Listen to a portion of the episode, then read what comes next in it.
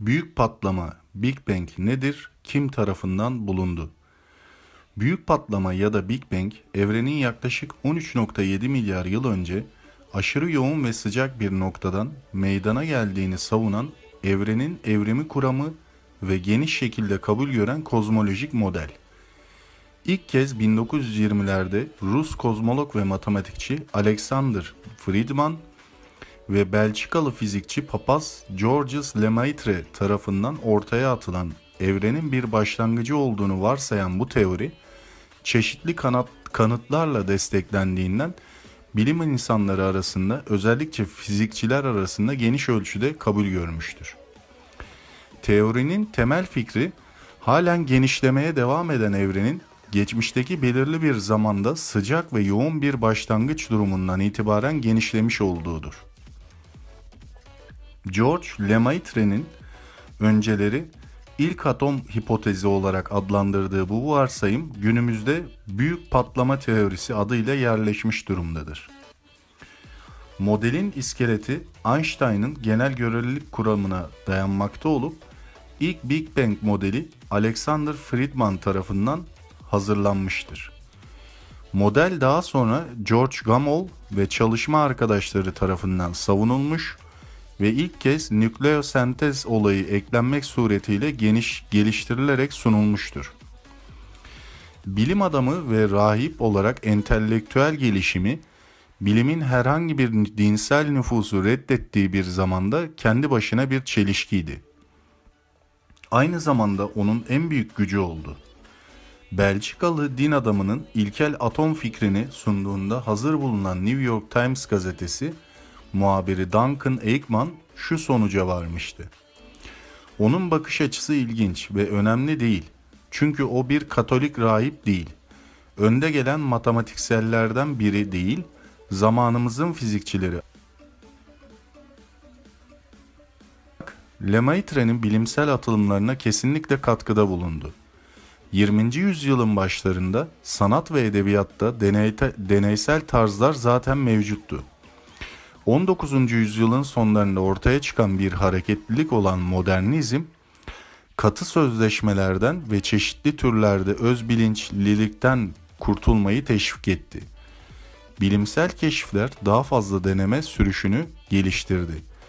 Lemaitre'nin çağdaş ressamı Paul Delvaux, sürrealist rüyalarını tasvir etti. Atlantik'in öteki yakasındaki Jackson Pollock, soyut dışa vurumculuğunun temeli olan damlama tekniğini geliştirmeye başladı. Renklerle patlayan resimleri Big Bang anının en iyi sanatsal temsili olabilir.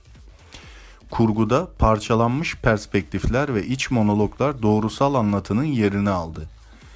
Belçikalı dramatist Michel de Gelro, Gelderode konvansiyonel teatral formlara meydan okudu ve çalışmalarını grotesk fi- figürler, maneviyat ve duygusallıkla işaretledi. Lemaitre'ye gelince Leuven'deki Premonstrate Koleji'nde bilimi daha derinden incelemeye davet etti. Üniversite Katolik Louvain'da fizik öğretti. 2014 yılında onuruna bir anma plakı açıldı. İngilizce, Fransızca, Almanca ve Hollan- Hollandaca yazıtlar şöyle yazıyor. İşte Big Bang'in manevi babası George, George Lemaitre'ye çalıştı. Üniversite aynı zamanda Charlor, Charleroi kalbinde 19. yüzyıldan kalma bir şehir evi olan Maison George Lemaitre'nin araştırma merkezine de sahiptir. Uzakta değil, Palais du Verre'nin önünde ona adanmış bir heykel.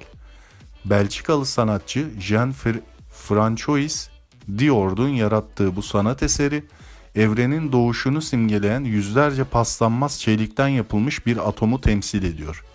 Hem sonsuzluk hem de sonsuzluğun ilk saniye ve ışığın doğumu.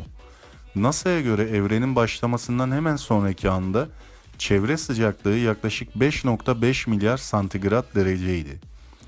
Kozmos, nötronlar ve protonlar gibi temel parçacıkların geniş bir dizisini içeriyordu. Evren soğudukça bu parçacıklar bozuldular ya da birleştiler. Bu ilkel çorbayı gözlemlemek neredeyse imkansızdır. Çünkü bu ışık bunun içerisine taşınamıyordu. NASA bu durumu şöyle tanımlıyor. Serbest elektronlar bulutlardaki yağmur damlacıklarından güneş ışığının saçılmasına benzer bir biçimde ışığın fotonların saçılmasına sebep olmuş olabilir. Fakat zaman geçtikçe bu serbest elektronlar bir çekirdekle bir araya geldiler ve nötr atomları oluşturdular. Bu ilk ışık bazen büyük patlamanın görüntüsü olarak isimlendirilir. Daha uygun bir isim olarak kozmik mikrodalga arka alan ışınımı KMA ol- olarak bilinir.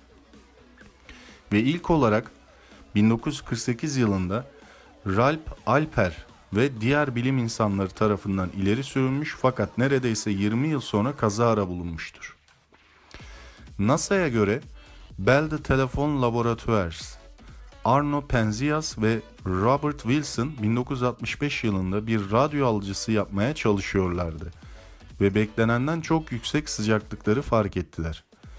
Başlangıçta bu anominin güvercinler ve onların dışkılarından kaynaklandığını düşündüler. Ancak pisliğin temizlenmesi ve anten içerisine yuva yapan güvercinlerin öldürülmesine rağmen anomali durumu düzelmedi.